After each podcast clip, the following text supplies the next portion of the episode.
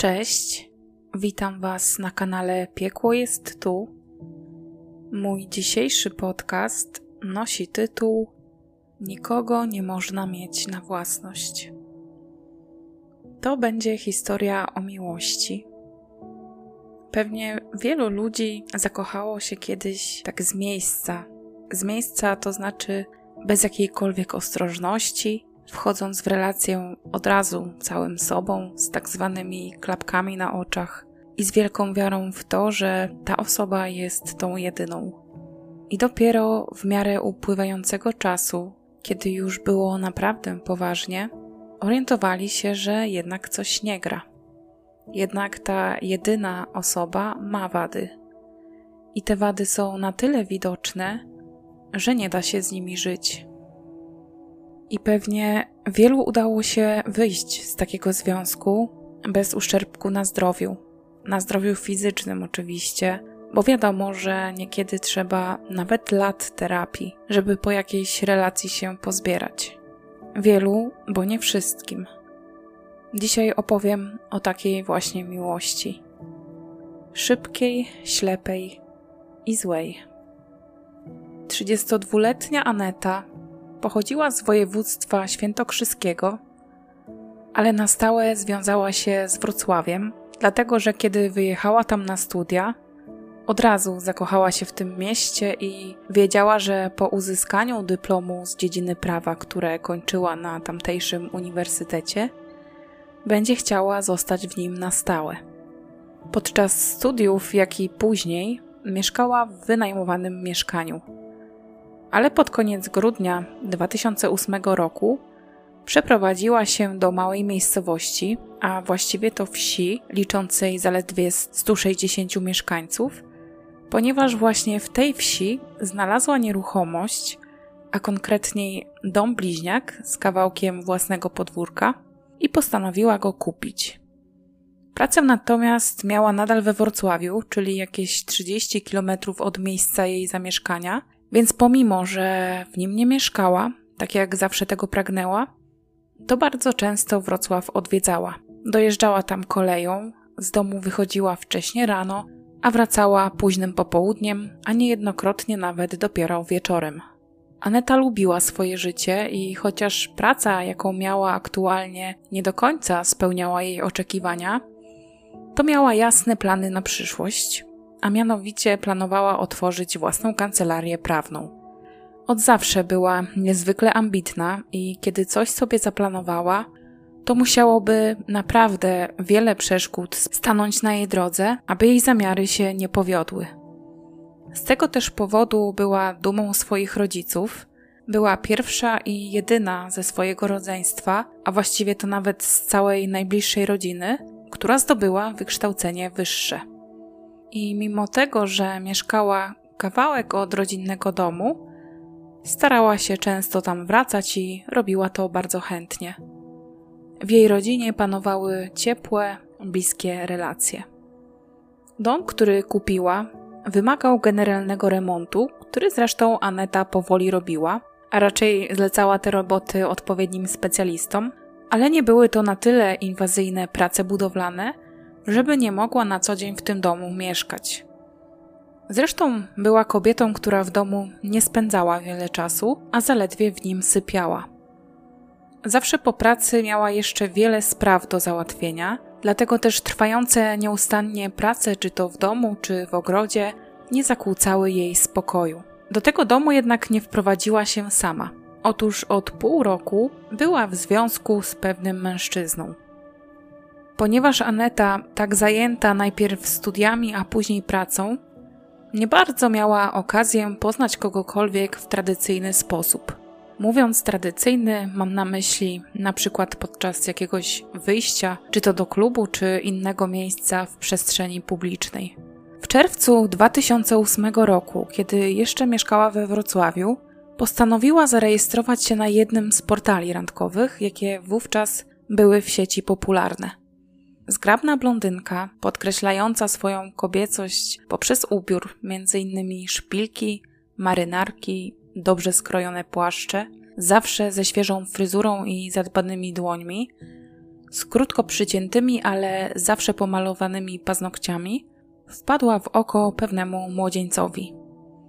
I on nie umknął jej uwadze, bo pomimo różnicy wieku, która wynosiła w ich przypadku 6 lat, był bardzo kulturalny, miły, uprzejmy, a także przystojny. Mieszkał we Wrocławiu, a więc był na wyciągnięcie ręki.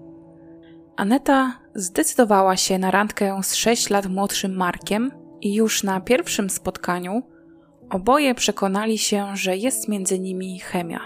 Rozmowa nie miała końca. Razem śmiali się, dyskutowali na różne tematy, a w końcu też flirtowali.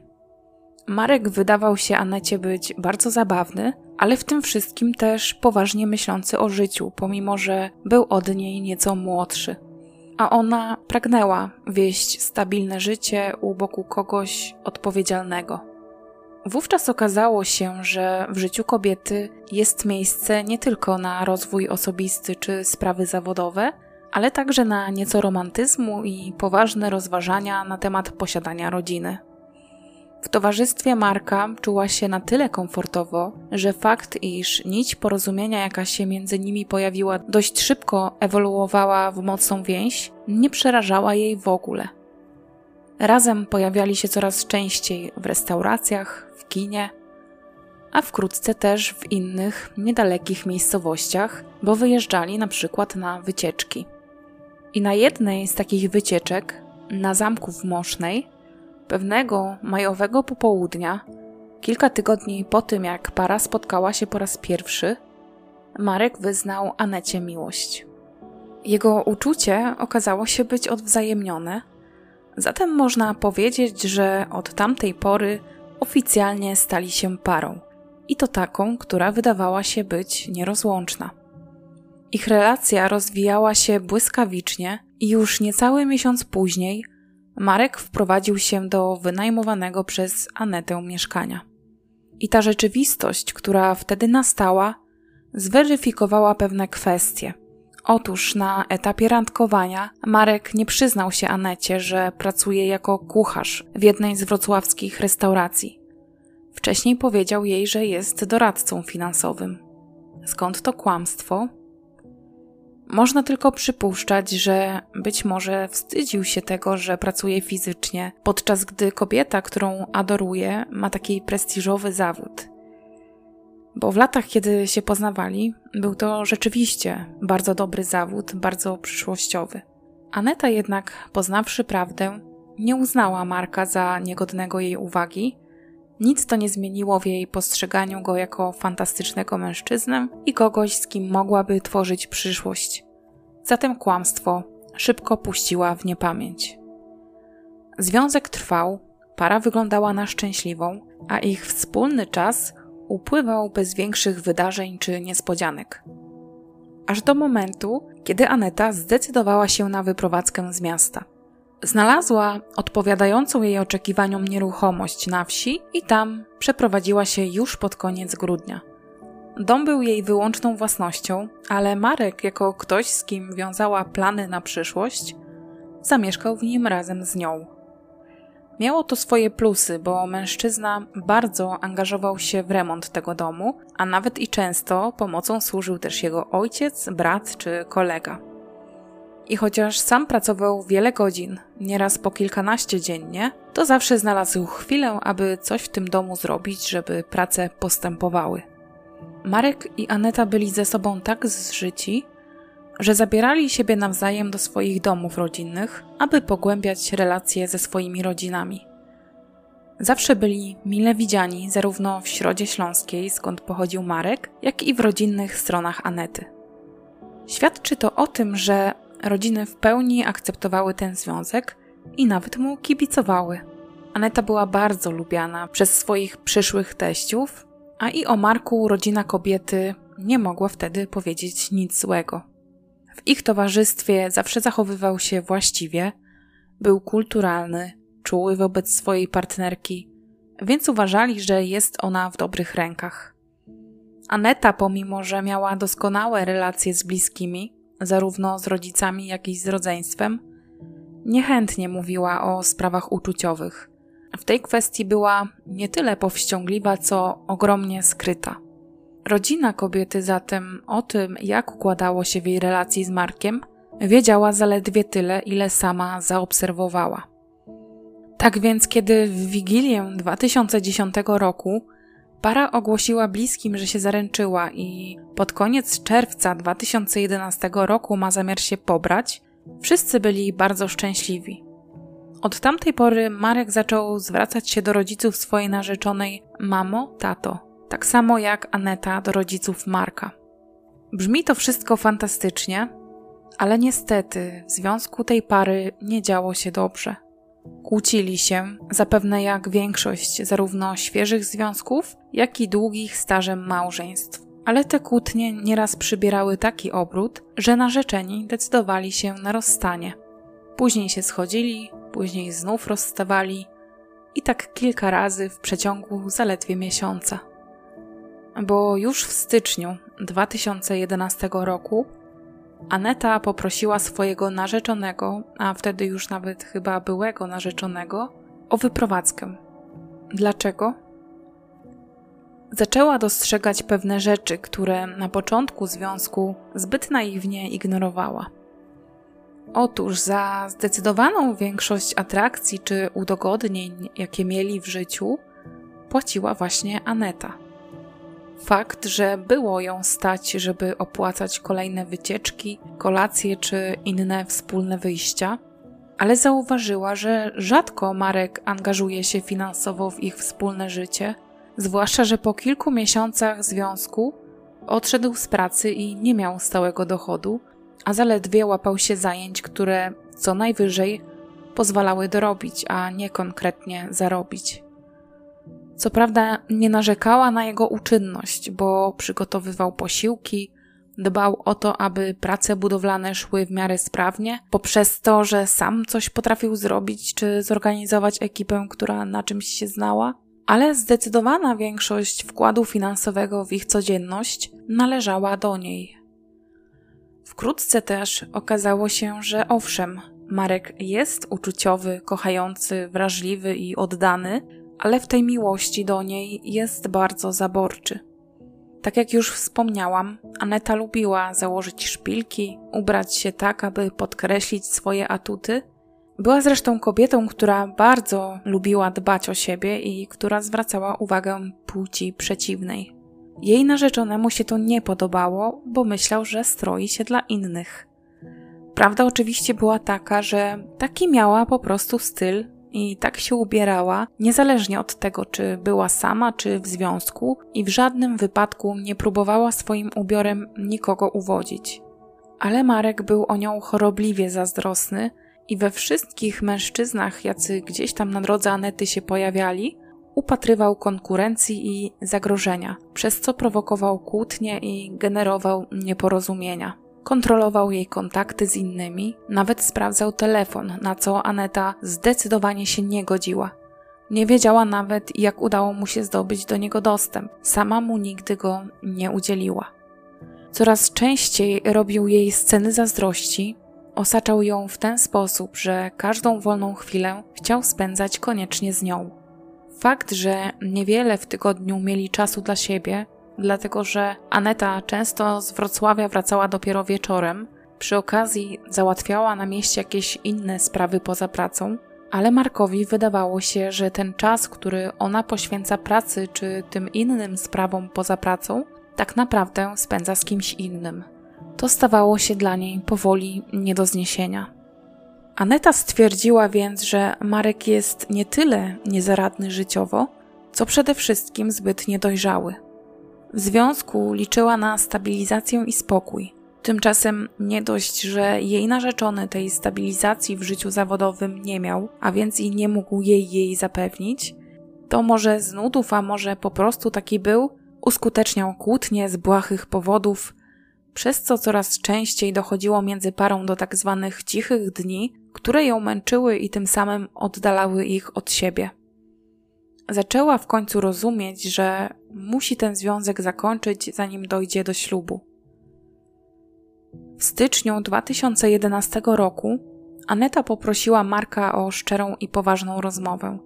Wyjaśniła, że nie odpowiada jej taki związek, zarówno jeśli chodzi o podział ról, jaki się w nim wytworzył, jak i o złe emocje, które coraz częściej dominowały ich codzienność. Chciałaby więc definitywnie zakończyć ich relację. Poprosiła też, aby mężczyzna wyprowadził się w miarę możliwości jak najszybciej. Marek był nie tyle zdziwiony, co zrozpaczony decyzją kobiety. Ani się nie spodziewał takiego obrotu spraw, bo w końcu wiele kłótni mieli już za sobą i wiele rozstań, po których i tak w końcu do siebie wracali. A tu nagle zrobiło się naprawdę poważnie i wydawało się, że wyznanie Anety zakończone prośbą o wyprowadzkę tym razem nie było podyktowane chwilową złością czy wzburzeniem, a wieloma dniami przemyśleń i refleksji.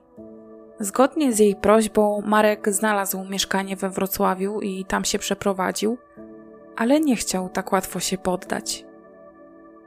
Przeprosił Anetę za swoje dotychczasowe zachowanie, zarówno za zazdrość i zaborczość, jak i za to, że za mało się starał, aby czuła się w tym związku szczęśliwa. Płakał, Błagał wręcz, aby go nie zostawiała i pozwoliła mu naprawić błędy, albo dała jeszcze jedną szansę, aby mogli popracować nad tą relacją. Chciał wprowadzać zmiany, ustalać zasady i tym podobne, ale Aneta była nieugięta.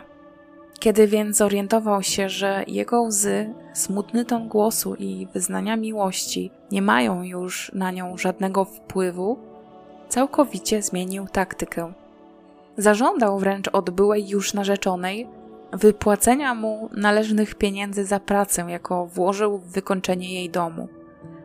Stwierdził, że skoro nie będzie w nim dłużej mieszkał, to powinni się rozliczyć, bowiem na jego pracy skorzystała wyłącznie ona, a on nic z niej na dłuższą metę nie będzie miał.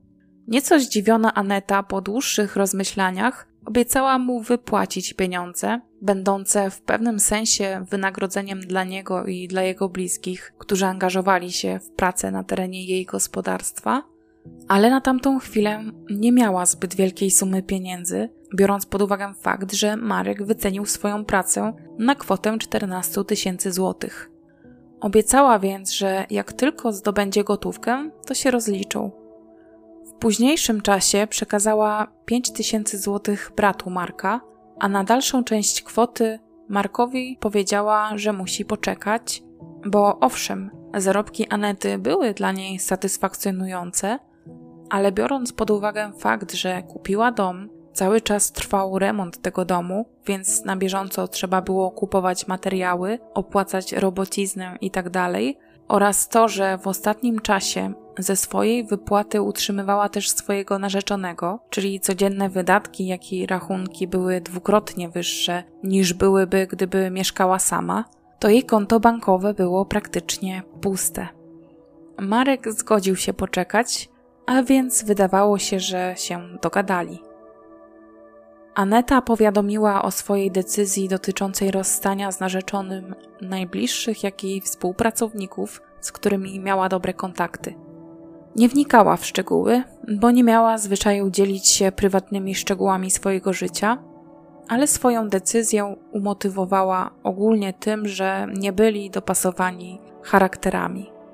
I pomimo, że mieszkali osobno i praktycznie się nie widywali, Marek nieustannie nalegał w wiadomościach, aby Aneta dała mu jeszcze jedną szansę. Codziennie pisał długie wyznania miłości, czule i miło witał ją każdego dnia. Tak samo kiedy zbliżał się wieczór, pisał romantyczne, pełne uczuć SMSy. Aneta miała jeszcze małą słabość do niego. W gruncie rzeczy uważała, że nie był złym chłopakiem i nawet było jej go żal. Dlatego czasami odpisywała na te wiadomości. Miło i kulturalnie, tak aby nie zranić go bardziej albo go nie zdenerwować. Wkrótce zaczęli znów regularnie wymieniać się uprzejmościami, ale bez żadnych podtekstów, co by Marek nie robił sobie nadziei. Nie jest to do końca zrozumiałe, z jakiego powodu Aneta utrzymywała z nim regularny kontakt, pomimo że już skreśliła ich relację definitywnie, na co wskazuje też fakt, że zaktualizowała swój profil na portalu randkowym, aby kogoś poznać. Swoim bliskim tłumaczyła, że chciała zakończyć związek z Markiem w taki sposób, aby nie pozostawiać po sobie złego wrażenia, ani nie rozstawać się w złych stosunkach. To był chyba błąd, ponieważ Marek takie uprzejme, miłe wiadomości od Anety traktował mimo wszystko jak otwartą furtkę, czy też nadzieję na to, że jeszcze kiedyś będą razem. Próbował udowadniać, że się zmienił, znalazł stałą pracę, osiągnął jakąś stabilność, której Aneta tak od niego oczekiwała. Jako, że był niecierpliwy, to pozwalał sobie na trochę więcej niż powinien, aby ten czas pomiędzy zerwaniem a kolejnym powrotem do siebie przyspieszyć. Miał jeszcze klucze do domu byłej narzeczonej, a że Aneta nie pomyślała ani o tym, żeby mu te klucze odebrać, ani o zmianie zamków, to kiedy ona była we Wrocławiu, on z tego Wrocławia przyjeżdżał do Taczowa i pod jej nieobecność zostawiał jej kwiaty w salonie albo z płatków róż usypywał na podłodze miłosne wyznania. Zdarzało się też, że telefonował do jej rodziców i rodzeństwa, płaczliwym tonem prosząc, aby postarali się wpłynąć na decyzję kobiety i deklarując wobec niej wielkie uczucie. Bliscy kobiety zazwyczaj starali się spokojnie tłumaczyć, że jest ona dorosła i sama podejmuje decyzje, że oni nie mają żadnego wpływu na to, co ona robi bądź co zamierza, że nie mieszają się w jej życie prywatne i tę prywatność szanują. A także radzili Markowi, aby znalazł sobie inny obiekt westchnień, pocieszając go, że jest przystojnym facetem i na pewno uda mu się kogoś oczarować. Praktyki, które jej były narzeczony stosował, aby odzyskać jej względy, nie do końca odpowiadały Anecie, która mimo to nie potrafiła tego jasno zakomunikować. Raz, kiedy naprawdę ostro potraktowała jego starania, zagroził jej, że popełni samobójstwo. Jako, że nie miała stuprocentowej pewności, czy jest do tego zdolny, czy nie, Wolała dmuchać na zimne i te nachalne sposoby zdobycia jej uwagi i miłości puszczała w niepamięć. Czasami zgadzała się na propozycję spotkania, zaznaczając jednak, że spotyka się z nim wyłącznie jako jego dobra znajoma czy też przyjaciółka. Na początku maja 2011 roku na portalu randkowym, gdzie kobieta już jakiś czas po rozstaniu z Markiem ponownie założyła konto, do Anety napisał pewien mężczyzna.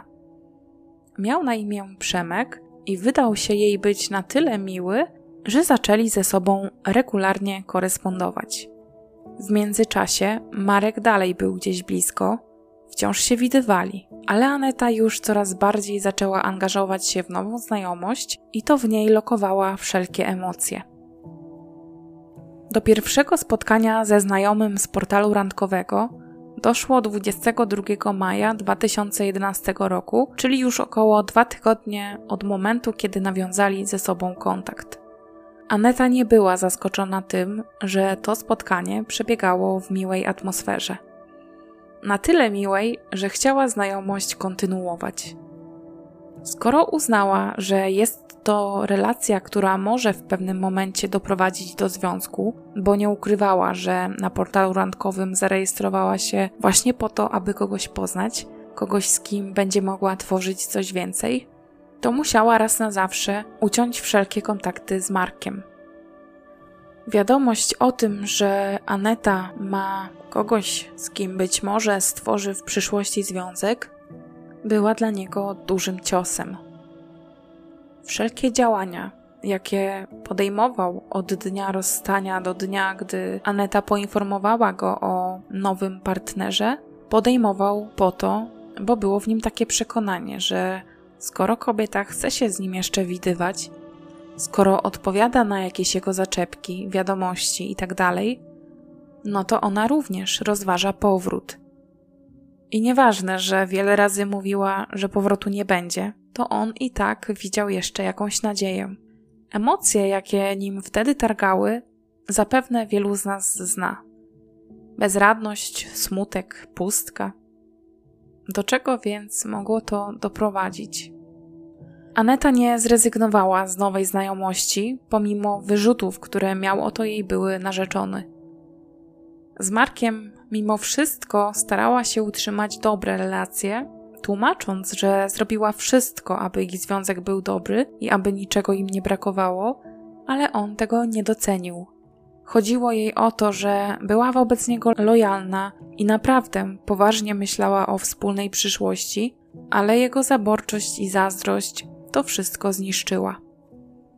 Nie chciała dłużej przez to przechodzić i miała pewność, że Marek się nie zmieni, bo miał na to wiele szans, ale z nich nie skorzystał. Zdawałoby się, że coś do niego dotarło, bo z wiadomości wysyłanych do niego przez Anetę wynikało, że jeszcze po tej rozmowie doszło między nimi do spotkania i nawet Marek zaoferował w czymś swoją pomoc, za co ona później mu serdecznie dziękowała w wiadomościach. Były to wiadomości tego typu, jakie piszemy zazwyczaj do swoich bliskich czy przyjaciół, pełne serdeczności czy wdzięczności. Kobieta myślała, że Marek zrozumiał, że między nimi może być już tylko przyjaźń, zwłaszcza, że Aneta poprosiła go o to, aby mimo wszystko starali się nie niszczyć przyjaznych stosunków, które wypracowali sobie na przestrzeni trzech wspólnych lat. Z Przemkiem planowała najbliższy weekend. Od pierwszego spotkania byli w ciągłym kontakcie, albo telefonicznym, albo SMS-owym. Znowu uśmiechała się do telefonu, Spędzała długie godziny, nieraz poświęcając kilka godzin snu, bo tak bardzo nie mogła się z nowym znajomym nagadać. Znowu budziła się z uśmiechem na twarzy, czekając na pierwszą wiadomość od niego. Ale w weekend nie spotkała się z Przemkiem, nawet się z nim nie skontaktowała. Nie skontaktowała się też z nikim z rodziny, bo przed weekendem zapadła się pod ziemię. O tym, że Aneta nie daje znaku życia, rodzinę powiadomili współpracownicy kobiety.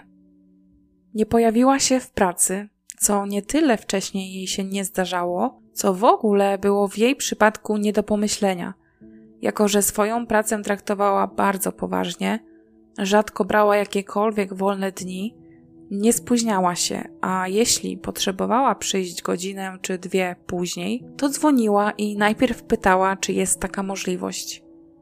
Bardzo też była zżyta ze swoimi kolegami z sąsiednich biurek i gdyby wydarzyło się coś takiego, co sprawiłoby, że byłaby w dniu swojej nieobecności niezdolna do pracy, na pewno dałaby komukolwiek z tych kolegów znać. Poza tym jej telefon także milczał, bo oczywiście pojawiły się liczne próby kontaktu. Rodzina Anety natychmiast podjęła działania, zgłoszone zostało jej zaginięcie. Brat kobiety nie czekał ani chwili dłużej, pojawił się pod domem Anety, chcąc zorientować się w sytuacji. Ku jego ogromnemu zdziwieniu, kiedy zadzwonił dzwonkiem do drzwi, stanął w nich Marek. U Krzysztofa, brata Anety, Pojawiło się wtedy nie tylko zdziwienie widokiem byłego niedoszłego szwagra, ale przede wszystkim przekonanie, że to on stoi za zniknięciem jego siostry. Na jego pytanie, gdzie jest Aneta, Marek nie potrafił odpowiedzieć. Sprawę zaginięcia kobiety prowadziła Komenda Powiatowa Policji w Trzebnicy. W pierwszej kolejności zdecydowano się na przesłuchanie świadków, w tym przede wszystkim Marka, który jako ostatni widział kobietę. Na przesłuchaniu opowiedział o wydarzeniach z dnia 24 maja. Aneta zwróciła się do niego z prośbą o pomoc. Trzeba było zrobić coś w domu, z czym ona sama sobie nie potrafiła poradzić. Jako, że od kilku dni dogadywali się dobrze, ustalili, że będą się przyjaźnić, to uznał, że przyjaciele są po to, aby sobie pomagać. Pojechał więc do niej, zrobił to, co miał zrobić, potem ugotował obiad, zjedli go i zrobiło się między nimi na tyle przyjemnie, że doszło do zbliżenia. W związku z tym Marek został u Anety na noc. 24 maja rano zawiózł ją do pracy i pojechał do swojego mieszkania. Po pracy Aneta miała umówioną kosmetyczkę, a kiedy wyszła z salonu, zadzwoniła do niego. Poprosiła, aby odwiózł ją do domu, na co Marek oczywiście się zgodził. Tego wieczoru kobieta źle się czuła. Bolała ją głowa do tego stopnia, że nie mogła skupić się na niczym. Zresztą Aneta dosyć często miewała migreny, przy których nieraz nawet mdlała. Położyła się więc i odpoczywała, a Marek zajął się przygotowywaniem posiłku. Mimo jego starań, była narzeczona nie była w stanie nic przełknąć z powodu utrzymującego się bólu głowy. Leżała więc na kanapie, podczas kiedy on w salonie spożywał posiłek sam. Po kilku godzinach ból nieco złagodniał, a więc Aneta nieco się ożywiła. Na tyle, aby po raz kolejny zaprosić Marka do swojego łóżka.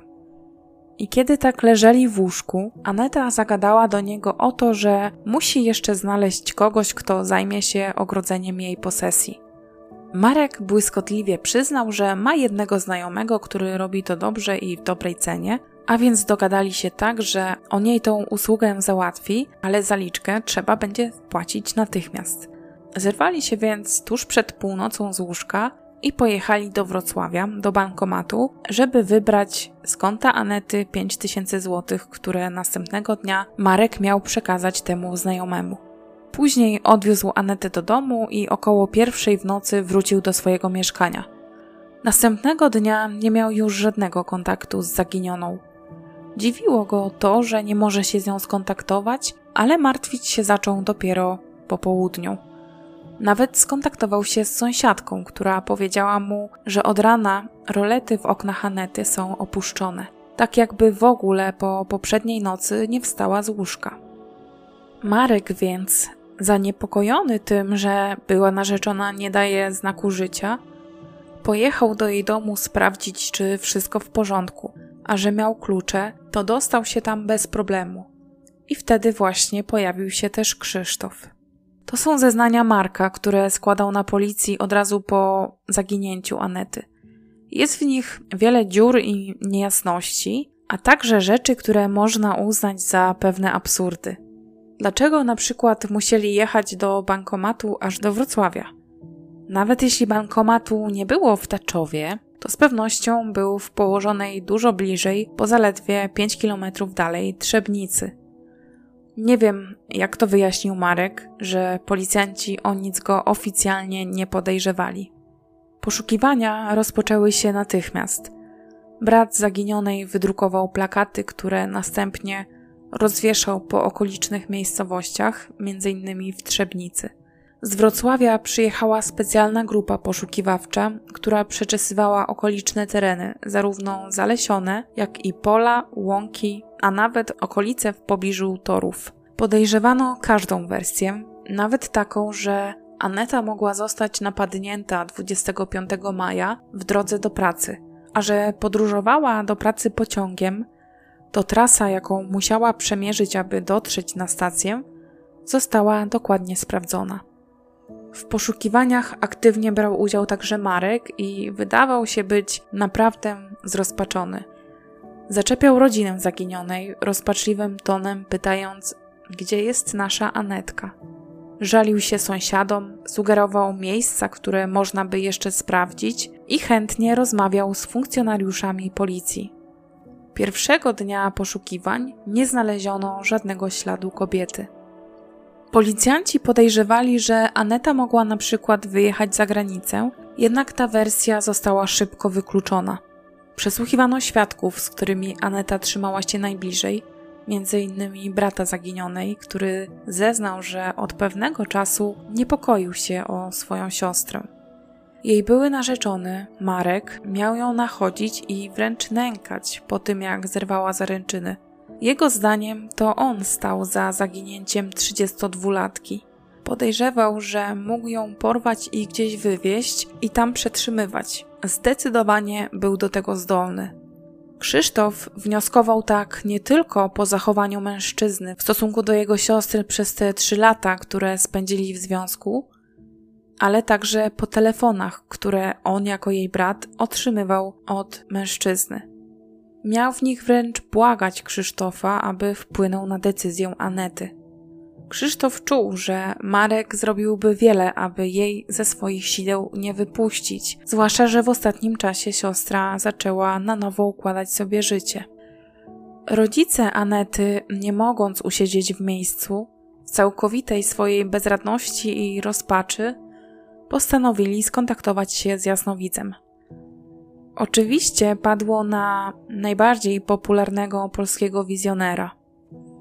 Nie fatygowali się do niego osobiście, bo mieszkał zbyt daleko, a oni chcieli być na miejscu i brać czynny udział w poszukiwaniach. I najwcześniej odjeżdżającym pociągiem z Wrocławia przysłali panu Krzysztofowi zdjęcie zaginionej i części jej garderoby. Odpowiedź, jaką dostali, nie pozostawiła im złudzeń. Jasnowic stwierdził, że Aneta nie żyje, a jej ciało znajduje się w niewielkim strumyku na pograniczu Taczowa Wielkiego i Małego. To miejsce zostało jednak dokładnie przeszukane, ale kobiety w nim nie znaleziono. Kolejny dzień poszukiwań rozpoczął się wcześnie rano. Funkcjonariuszy policji Strzebnicy wsparli również policjanci z Wrocławia wraz z psami tropiącymi. Przeszukano łącznie 35 hektarów obszaru, ale po kobiecie nie było śladu. Jedna z grup poszukiwawczych, w której skład wchodzili m.in. strażacy, skupiała się na szczegółowym przeszukiwaniu podwórka Anety. To, czego wcześniej nie sprawdzono, to zbiornik na szambo. Kiedy tam zajrzano, wszystko stało się jasne. Ciało kobiety ukazało się oczom wszystkich, którzy w tamtym momencie aktywnie uczestniczyli w jej poszukiwaniach na terenie podwórka. Sprawa więc płynnie przeszła z zaginięcia w zabójstwo, a śledztwo wszczęła prokuratura w Trzebnicy. Oględziny ciała Anety wykazały, że kobieta zmarła na skutek uduszenia poprzez zadławienie. Wskazuje to więc na fakt, że ktoś dosłownie gołymi rękami doprowadził ją do śmierci. Kto to zrobił? Śledczy nie musieli się długo zastanawiać. Biorąc pod uwagę zeznania brata kobiety, policjanci zaczęli podejrzliwie przyglądać się Markowi. Sprawdzono jego sprzęty, m.in. telefon i komputer, i znaleziono tam podejrzane treści. Otóż w nocy 25 maja wyszukiwał dosyć dziwne treści na różnych stronach internetowych. Między innymi zadawał pytania, jak długo zwłoki rozkładają się w wodzie i czy długo utrzymują się na nich odciski palców. To bardzo zastanowiło śledczych, którzy już wtedy nabrali niemal pewności, że mają sprawcę zabójstwa. Marek jeszcze tego samego dnia, czyli 26 maja 2011 roku, został aresztowany i nie potrzeba było wiele czasu, aby przyznał się do winy. Podczas pierwszego przesłuchania, kiedy składał wyjaśnienia już jako podejrzany o morderstwo, twierdził, że śmierć Anety była kompletnym przypadkiem, a on zorientował się o tym, że kobieta nie żyje, dopiero jak poczuł jej bezwładne ciało osuwające się po jego nogach. Okazało się, że zeznania, które składał na policji jeszcze wtedy, gdy Aneta była uznawana za zaginioną, były częściowo prawdziwe. Częściowo, bo Marek wcale nie pojechał do domu 24 maja, zgadzał się więc tylko przebieg wydarzeń do momentu odwiezienia Anety z Wrocławia do domu w Taczowie. Już tego samego dnia, czyli 24 maja wieczorem, doprowadził byłą partnerkę do śmierci. W jaki sposób? Zacytuję tutaj wyjaśnienia podejrzanego, żeby oddać całkowity ich sens. Aneta po wyjściu z łazienki powiedziała, że zrobiła test ciążowy i że najprawdopodobniej jest w ciąży. Po tej informacji ucieszyłem się. Podszedłem do niej, przytuliłem ją, pocałowałem, a ona odwróciła się do mnie plecami. Ja swoją lewą rękę położyłem jej na brzuchu po czym ona położyła swoje obie ręce na mojej lewej ręce. Ja prawą ręką przytuliłem ją do siebie, to jest trzymając ją pod brodą i całowałem ją w lewy policzek. Ja ją głaskałem lewą ręką po brzuchu z wielkim przeżyciem. Był to zaczątek naszego dziecka. Było to dla mnie ogromne przeżycie. Bardzo się cieszyłem z tego, że będę ojcem. W tamtym momencie w ogóle nie byłem w takim stanie, że w jakiś sposób mógłbym wyrządzić jej krzywdę. Ja Anetę głaskałem po policzku, przytulałem, cieszyłem się.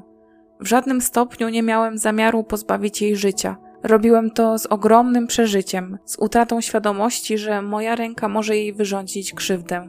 Aneta nie dawała mi w żaden sposób odczuć, że dzieje się jej krzywda. Po chwili, jak staliśmy tak razem, ja poczułem ciężar. Opuściłem ręce, a ona się osunęła.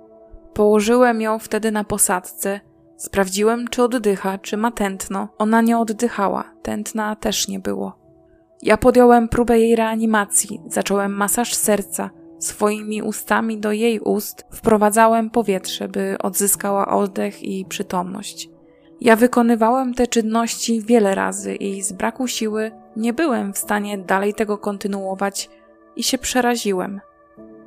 Nie jestem w stanie powiedzieć, jak długo reanimowałem pokrzywdzoną.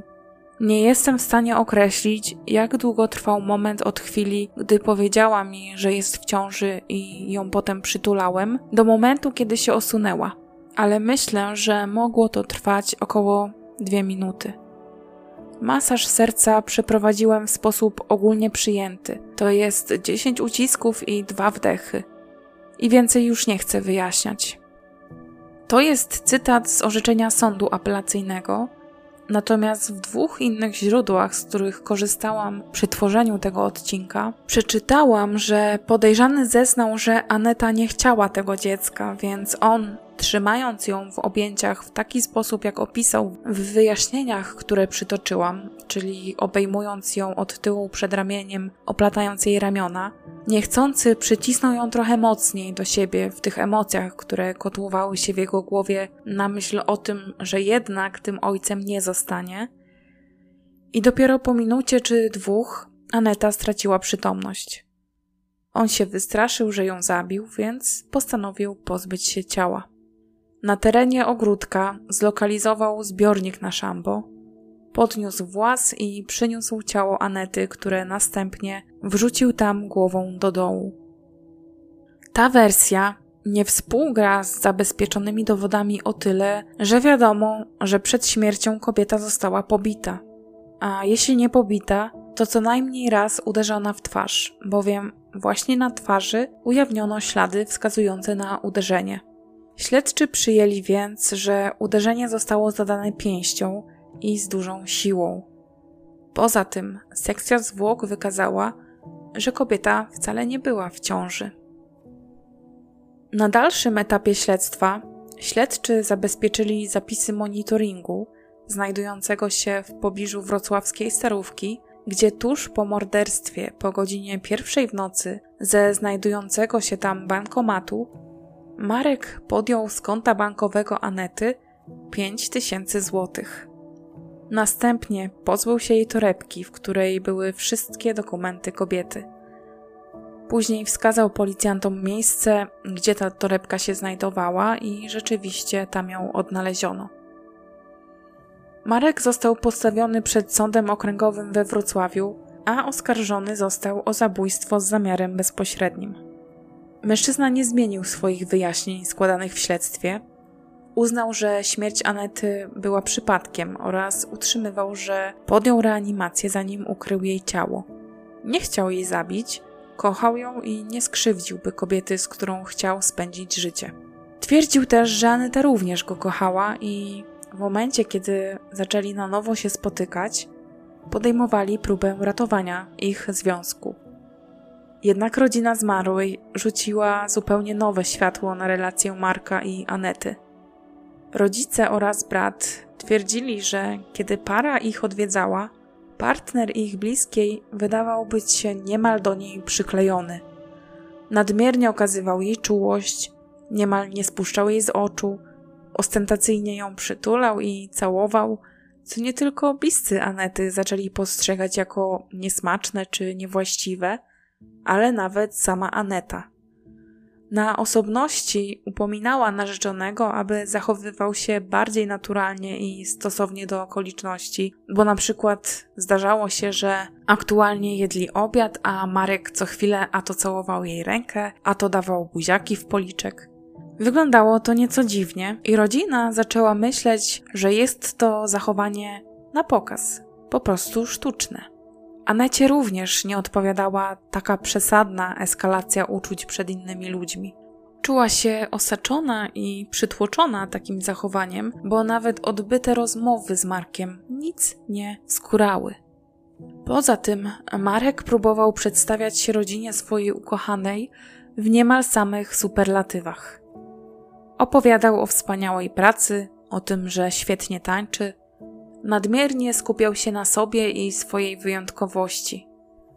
Rodzice Anety zeznali, że od początku wydawało się im, że nie jest to mężczyzna dla ich córki i nie byli do końca przekonani co do tego związku, ale nie wtrącali się w prywatne życie Anety i nie nagabywali o to, aby się z nim rozstała. Starali się dać jej delikatnie do zrozumienia, co myślą o jej wyborze, ale nie mieli w zwyczaju układania życia swoim dzieciom. Tak więc czekali, aż związek sam się rozpadnie, bo wiedzieli, że Aneta prędzej czy później zachowaniem narzeczonego poczuje się zmęczona i przejrzy na oczy. Dodatkowo wyszło też na jaw, że Marek nie był w stosunku do Anety uczciwy.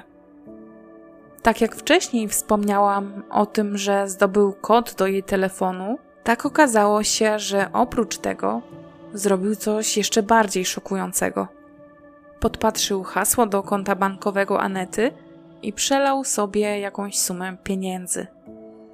To miał być także jeden z powodów, dlaczego kobieta, prawniczka zresztą, więc uznała jego czyn za zwyczajną kradzież, zdecydowała się związek zakończyć. Rodzina nie wierzyła też, że Aneta byłaby w stanie usunąć ciążę. Bardzo marzyła o tym, żeby założyć rodzinę i mieć dziecko. Od kilku lat wspominała o tym, że do szczęścia nie brakuje jej już nic więcej, jak szczęśliwej rodziny składającej się z męża i dziecka. Takie zarzuty więc, czy też insynuacje ze strony oskarżonego, były dla nich kompletnym kłamstwem i wręcz zszarganiem dobrego imienia ich bliskiej. Pomijając już fakt, że okazało się przecież, że Aneta nie spodziewała się dziecka. Co dziwne, albo i nie, zupełnie inaczej związek pary postrzegali bliscy Marka. Brat mężczyzny zeznał, że Aneta i Marek dogadywali się świetnie. Zawsze, kiedy odwiedzali rodzinę Marka, było widać między nimi szczere, prawdziwe, duże uczucie. Marek zawsze traktował Anetę z należytym szacunkiem, a ona to odwzajemniała. Równie bardzo angażowała się w ten związek jak jej partner i miała dobre relacje z jego rodzicami, zwracając się do nich mamo, tato. Również kiedy razem z Markiem uczestniczyła w weselu jego brata, bardzo chętnie i wręcz z taką radością chwaliła się tym, że oni zamierzają się pobrać w czerwcu 2011 roku. Nic więc nie wskazywało na to, że ten związek wkrótce się rozpadnie. Kolejnym świadkiem, który wniósł coś istotnego do sprawy, był sąsiad Anety. W dniu, kiedy zginęła, Marek miał zapukać do jego drzwi około godziny 21 i zapytać, czy jego syn mógłby zepchnąć mu trochę ziemi. Był wówczas nieco niespokojny, a wręcz zdenerwowany. Sąsiad zdziwił się, po co mu ziemia o tej godzinie, ale tak czy inaczej nie mógł mu pomóc, bo jakiś czas wcześniej syn sprzedał koparkę. Jednoznaczną odpowiedzią na taką prośbę wystosowaną w kierunku sąsiada było to, że oskarżony szukał sposobu, jak pozbyć się ciała i chciał je właśnie złożyć w grobie. Po odmowie ze strony mężczyzny musiał szukać innej możliwości na ukrycie zwłok. Ważnym świadkiem w sprawie był też Przemysław, mężczyzna, z którym Aneta spotykała się tuż przed swoją śmiercią. Zeznał on, że 24 maja w godzinach pomiędzy 21.40 a 22.30 na jego telefon przyszły zastanawiające wiadomości z numeru Anety. Kobieta miała mu pisać, że nie chce kontynuować dłużej ich znajomości, ponieważ pogodziła się z narzeczonym i zamierza wyjść za niego, bo go kocha. Pożegnała się z Przemkiem, który nie uwierzył, że to ona była autorką tych treści, i od razu, kiedy tylko otrzymał te wiadomości, zaczął dzwonić na jej telefon, a później także wysyłać SMSy, które już do Anety nie dotarły, bowiem telefon został wyłączony. Oczywiste jest, że kobieta już wtedy nie żyła. Jej telefon został odnaleziony razem z jej ciałem. Biegli orzekli, że Marek ma osobowość psychopatyczną, pozbawioną empatii, a ponadto ma znacznie zawyżone poczucie własnej wartości, a przy tym często ukazuje siebie w lepszym świetle, aby wzbudzać podziw. Cechuje go kompletny brak poczucia odpowiedzialności i chęć aprobaty społecznej. Jest bardzo odporny na stres. Sąd uznał wyjaśnienia Marka wyłącznie za przyjętą przez niego linię obrony i ustalił, że działał on z zamiarem pozbawienia Anety życia. Niekoniecznie przyszedł do niej z zamiarem zabicia, ale sam czyn nie był przypadkowy, tak jak to oskarżony wyjaśniał. Mógł go popełnić pod wpływem jakiejś poważnej rozmowy, która nie poszła po jego myśli i towarzyszących mu wtedy emocji, ale całkowicie zdawał sobie sprawę z tego, że zabił. Sąd uznał więc, że śmierć Anety nie była przypadkiem ani wypadkiem. Przez to, że Marek nie poczuwał się do żadnej odpowiedzialności za śmierć Anety, sąd uznał, że trzeba go poddać długotrwałej izolacji od społeczeństwa i zresocjalizować, i wymierzył mu karę 25 lat pozbawienia wolności uważając jego czyn za wysoce szkodliwy społecznie. Zarówno prokurator, jak i obrońca Marka odwołali się od wyroku, ale sąd apelacyjny we Wrocławiu częściowo tylko, ale przychylił się do wniosku prokuratora, uznając, że 25 lat pozbawienia wolności to wystarczająco surowy wyrok z tym, że z możliwości warunkowego zwolnienia Marek będzie mógł skorzystać dopiero po odbyciu 20 lat kary. Pogrzeb Anety odbył się w jej rodzinnych stronach. Przez długi czas rodzina zajmowała się domem kobiety. Sąsiedzi dbali o jej ogródek, pielęgnowali trawnik i rośliny, które zdążyła wyhodować za życia. Rodzina też długo nie była w stanie ruszyć rzeczy, które znajdowały się w tym domu. Cały czas było tam rozstawione pranie, które Aneta świeżo rozwiesiła tuż przed swoją śmiercią. Nie wiem nic o tym, co dzieje się z domem dzisiaj, czy został sprzedany, czy nadal jest w posiadaniu rodziny. Marek z więzienia wysyłał listy do swoich rodziców, cały czas nie przyznając się do winy, mówiąc, że był to okropny wypadek, że tęskni za Anetą i prosił ich o to, aby przysłali mu zdjęcie kobiety, bo bardzo za nią tęskni. To wszystko, o czym dzisiaj chciałam Wam opowiedzieć.